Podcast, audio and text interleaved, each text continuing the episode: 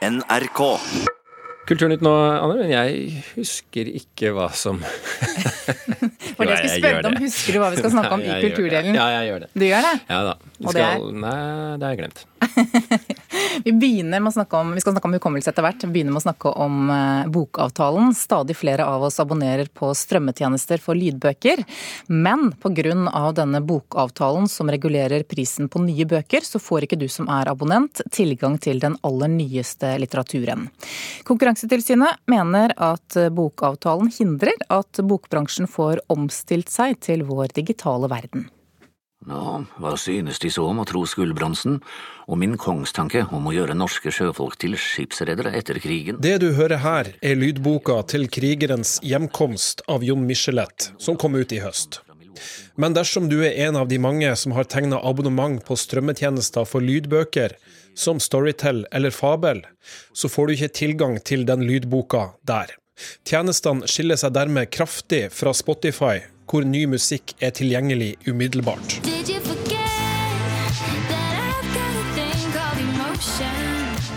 Bokavtalen sørger for at nye bøker har en fast pris i noen måneder etter utgivelsen, og det er for å sikre inntekter til forfatterne. Men i denne perioden er de altså ikke tilgjengelig som lydbøker hos strømmetjenestene. Konkurransetilsynet vil ha fjerna hele bokavtalen, fordi de mener at den hindrer bransjen i å tilpasse seg vår digitale tidsalder. I dag er fastprisavtalen noe som er for å beskytte trykte bok og en fast pris i lang periode. Det gjør at forlagene har mindre interesse av å satse på digitalt, digitale produkter, og det er veldig tydelig når det gjelder særlig strømmetjenester, der på en måte ny norsk litteratur er stengt ute, til stor ulempe for norske bokkunder. Det sier direktør Lars Sørgaard i Konkurransetilsynet.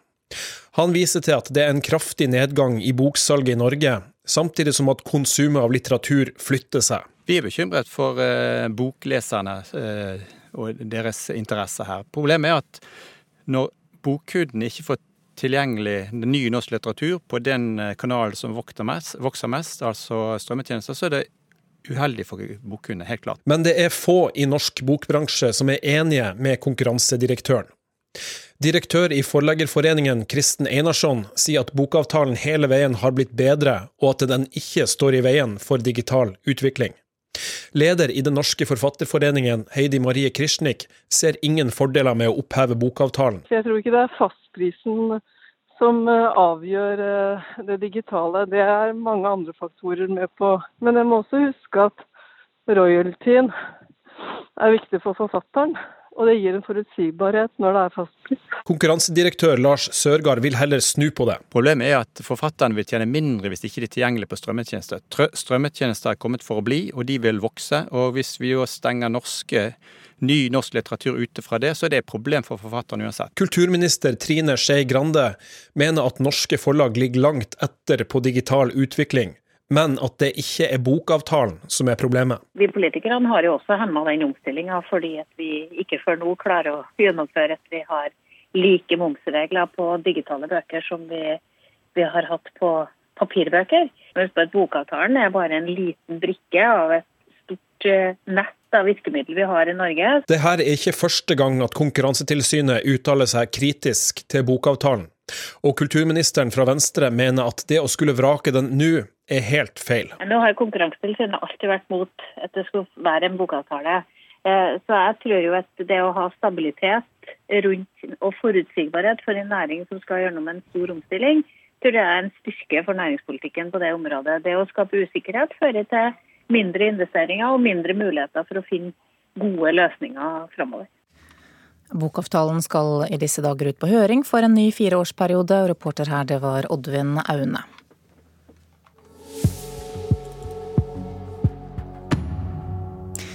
Nå skal det handle om eh, hukommelse her i Nyhetsmorgen. En norsk bok om nettopp hukommelse får nå oppmerksomhet internasjonalt. Boken 'Å dykke etter sjøhester' handler om hukommelsen vår, og hvordan den henter opp minner og gjenskaper øyeblikk.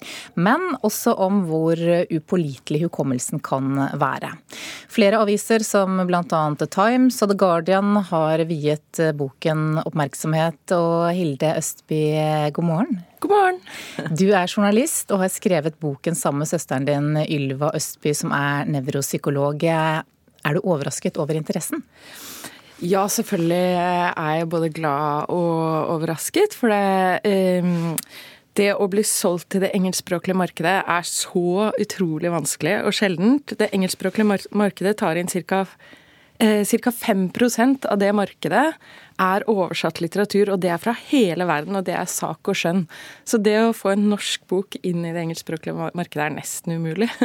Og så, etter at den ble solgt til Greystone, som nå lanserer den i hele den engelskspråklige verden, altså Australia, New Zealand, England, Canada eh, og USA, så eh, ble den også solgt eh, til både tysk eh, og polsk og nettopp solgt til italiensk forlag. Den kom på spansk, fransk, ja, eh, dansk, svensk. Den kom på 15 språk til sammen. Til nå, da. Men fortell deg, hva, hva er nytt i denne boka? Eh, vi presenterer jo all den, all den nyeste forskningen eh, som finnes på dette temaet. Eh, Norge ligger jo ganske langt i front når det gjelder hukommelsesforskning. Eh, både pga. Moser, eh, mosernes innsats, eh, som både har med sted og tidssans å gjøre nå. Men også Anders Fjell og Kristine Valhovd ved Universitetet i Oslo, som har fått sånn 20 millioner fra, i EU-midler for å undersøke hukommelsen gjennom livet. Så det finnes eh, en rekke gode forskere her i Norge, og vi presenterer det de har funnet ut. Og jeg tror eh, noe som vi gjør som er veldig unikt, og som passer veldig i det engelske markedet, da, er å lage en fortelling. Vi har laget eh, en så levende fortelling som mulig. Vi har brukt alt det vi vet om hukommelsen, har vi brukt for å få leseren til å huske det som fins om hukommelse. Og for å huske ting, så må ting være eksepsjonelt. Det må stå ut. Og det må ha noe emosjonell verdi. Vi må knytte oss til det emosjonelt. Det er derfor man ofte husker helt feil ting. ikke sant? Du sitter og pugger til eksamen, eller et eller annet, og så er det ikke det du husker. Du husker selvfølgelig ditt første kyss, men kanskje ikke det periodiske system. Fordi det periodiske system er jo ikke så emosjonelt for deg, da. Men I hvilken grad kan vi stole på hukommelsen vår, da? At det vi husker er riktig? Eh, Det kan vi ikke. Der vil jo de fleste av oss protestere, da. Jeg Ja. husker jo historien om mitt liv, f.eks. Ja, ja, ja da. Eh, De viktige tingene husker vi jo. Og de tingene som er emosjonelt sant, det skal vi jo som regel stole på at det er sant. Eh, Men hukommelsen vår er rekonstruktiv. Det betyr at eh, hver gang du henter opp et minne, så fyller du inn de detaljene som ikke er der fra før. Fordi hukommelsen prøver å økonomisere. Den bare stapper et minne ned i kofferten, Eh, og der tar den ut både luft og plass, sånn at eh, en kjole som er grønn, kan fort bli rød. Og hva som ble sagt, det kan også overskrives eh, på nytt hver gang du husker noe. Og det betyr at alle sånne detaljer det bør du dobbeltsjekke før du sverger på at det er sant.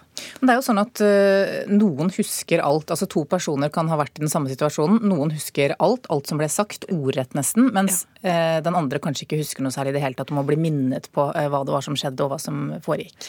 Ja, Det som er veldig gøy med å ha skrevet denne boken, er at jeg har lært at hukommelsen er ikke enten god hukommelse eller dårlig hukommelse. Det er et kjempespekter. Hjernene våre er veldig forskjellige.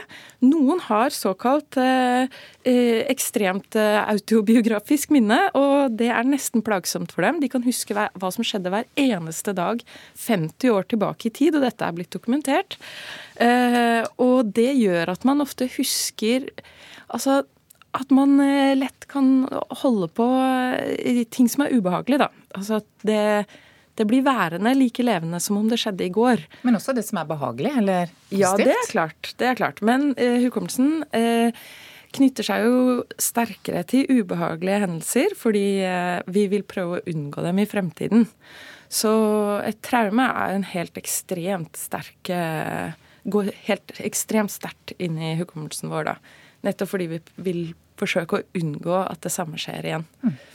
Men hvor, hvem har det best, da? Altså de som husker eh, mye, eller de som husker lite? I boka vår så snakker vi med flere som ikke har noe særlig hukommelse i det hele tatt eh, fra livet sitt. Eh, når vi var på turné i Canada, så møtte vi også en eh, dame som ikke husket spesielt mye. Altså Hun hadde ikke den, det vi kaller filmen i hodet da.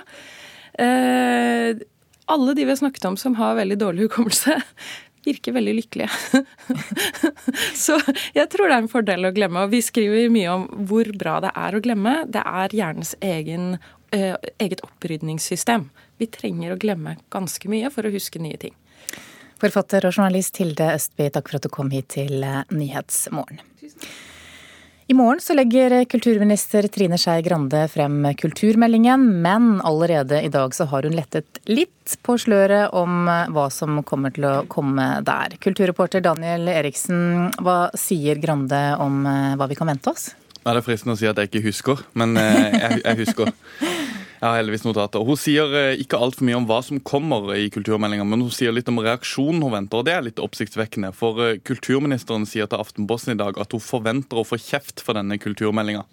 Det er jo mange som forventer mye en sånn melding, i og med at det er 15 år siden sist. Eh, Skei Grande forteller bl.a. at bunadsfolk vil ha et eget kapittel i meldingen. Det får de ikke. Men om selve meldinga sier hun at det skal komme en liste med ni punkter med mål for kulturpolitikken, og hun lover å være så konkret som mulig. Innholdet vil hun holde for seg sjøl, men hun sier at kulturmeldingen vil bli mer ideologisk enn instrumentell. Så får vi se hva det betyr. Takk skal du ha, kulturreporter Daniel eh, Eriksen. Vigdis Hjorts prisbelønte roman 'Arv og miljø' skapte mye rabalder, og fikk også mye ros da den kom ut. Ved Den nasjonale scene i Bergen har de nå laget teaterforestilling av denne boken. Vi skal høre et lite utdrag fra forestillingen, som foregår i begravelsen til faren til hovedpersonen Bergljot. Larsen Lars nikket mot mor, som satt eh, på første benk på venstre side. Hun stirret intenst på meg med, med sjalet jeg hadde gitt henne til jul rundt halsen. Jeg gikk bort og klemte henne. Så klemte jeg Astrid og Åsa, så fikk det være nok. Jeg kunne ikke klemme hele benken. På begravelsesfolderen så satt far i bar overkropp eh, i en båt på Hvaler for kanskje 30 år siden. Likte ikke at han hadde så mye bar hud. Ja, Det var altså Kjersti Elvik vi hører her. Karen Frøsland Nystøyl, teaterkritiker her i NRK. Du har altså sett forestillingen. Hvordan har det gått når regissør Kjersti Horn nå har tatt arv og miljø til scenen? Ja, det, det, er jo et artig spørsmål, for i denne romanen til Vigdis Hjorth så sier Bergljot ganske tidlig jeg ville skrive om faren ved å dramatisere populære romaner. Eh, og dette gjentar hun flere ganger i romanen. Og, eh, så det var ikke sikkert at akkurat dramatisering var i Hjort sine tanker da hun skrev den. Men nå har det altså skjedd ved Den nasjonale scene, og jeg må jo si med en gang at det er gjort en ganske god dramatiseringsjobb av Kjersti Horn og Kristian Lykkeslett Strømskag. De har klart å holde på noen har gjort sine særegenheter, de klarer å føre historier fram, sjøl om det bare er én skuespiller, Kjersti Elvik, på scenen hele tida. Det gjør at forestillinga blir litt lang, eh, men, eh, og det gjør òg at en mister litt intensitet mot slutten, men sjølve dramatiseringa er ganske god. Du må fortelle om hvordan det fungerer da, eh, når Kjersti Elvik står alene på, på scenen hele veien? Ja, hun gjør det. Eh, på den store hovedscenen ved Den nasjonale scenen, som de da har skrelt for scenografi og utstyr, et stort, svart rom, der står Kjersti Elvik som Berliot muttputt alene. Eh, men eller, helt alene er ikke hun, for det henger en kjempestor skjerm fra taket midt på scenen over henne. Og alle de andre elleve skuespillerne de sitter på bakscenen med mikrofoner. Og så filmes de når de har kontakt med Bergljot, og det vises på den kjempestore skjermen. Så hun er jo aldri alene, men motspilleren er egentlig denne skjermen. Og det, det er, for publikum så er jo dette litt utfordrende i forhold til hvor skal vi egentlig feste blikket vårt? Skal vi se på den som snakker, denne kjempestore eh, personen som snakker, eller skal vi se på lille Bergljot, hvordan hun reagerer på det som blir sagt? Um, så det er en sånn, eh, nesten som FaceTime, på en måte, eller en livestrømming av det som skjer. Og det er, det er på en måte et tydelig og fint grep, men det er òg ganske utfordrende å se på. Men hvordan klarer Elvik, som bl.a. er kjent fra NRK som Ruth i adventskalenderen Snøfall, seg i rollen som Bergljot her?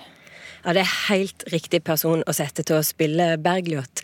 Hun gjør en helt formidabel jobb med all den teksten hun har, og med alt hun da bærer gjennom to timer uten pause alene på scenen. Det er virkelig til tider stort, synes jeg, det Elvik klarer å få til. Til tross for, for mye tekst. Så hun har, hun har sterke skuespillerskuldre, rett og slett. Men jeg tror hun òg kunne vært tjent med at det hadde vært kortere. Forestillinga mister ganske mye intensitet den siste halvtimen, egentlig, etter dette opp oppgjøret som hun har med søsknene, og en revisor. Um, så der syns jeg faktisk de skulle kutta både for publikum sin del, men òg for skuespillerne som står på scenen sin del. Men uh, Elvik gjør en strålende jobb, og det er en klar retning, altså en klar vilje i denne forestillinga. Selv om jeg syns at de skulle ha tatt noen grep for å, for å komme helt i mål. Takk skal du ha, teaterkritiker her i NRK, Karen Frøsland eh, Nystøyl.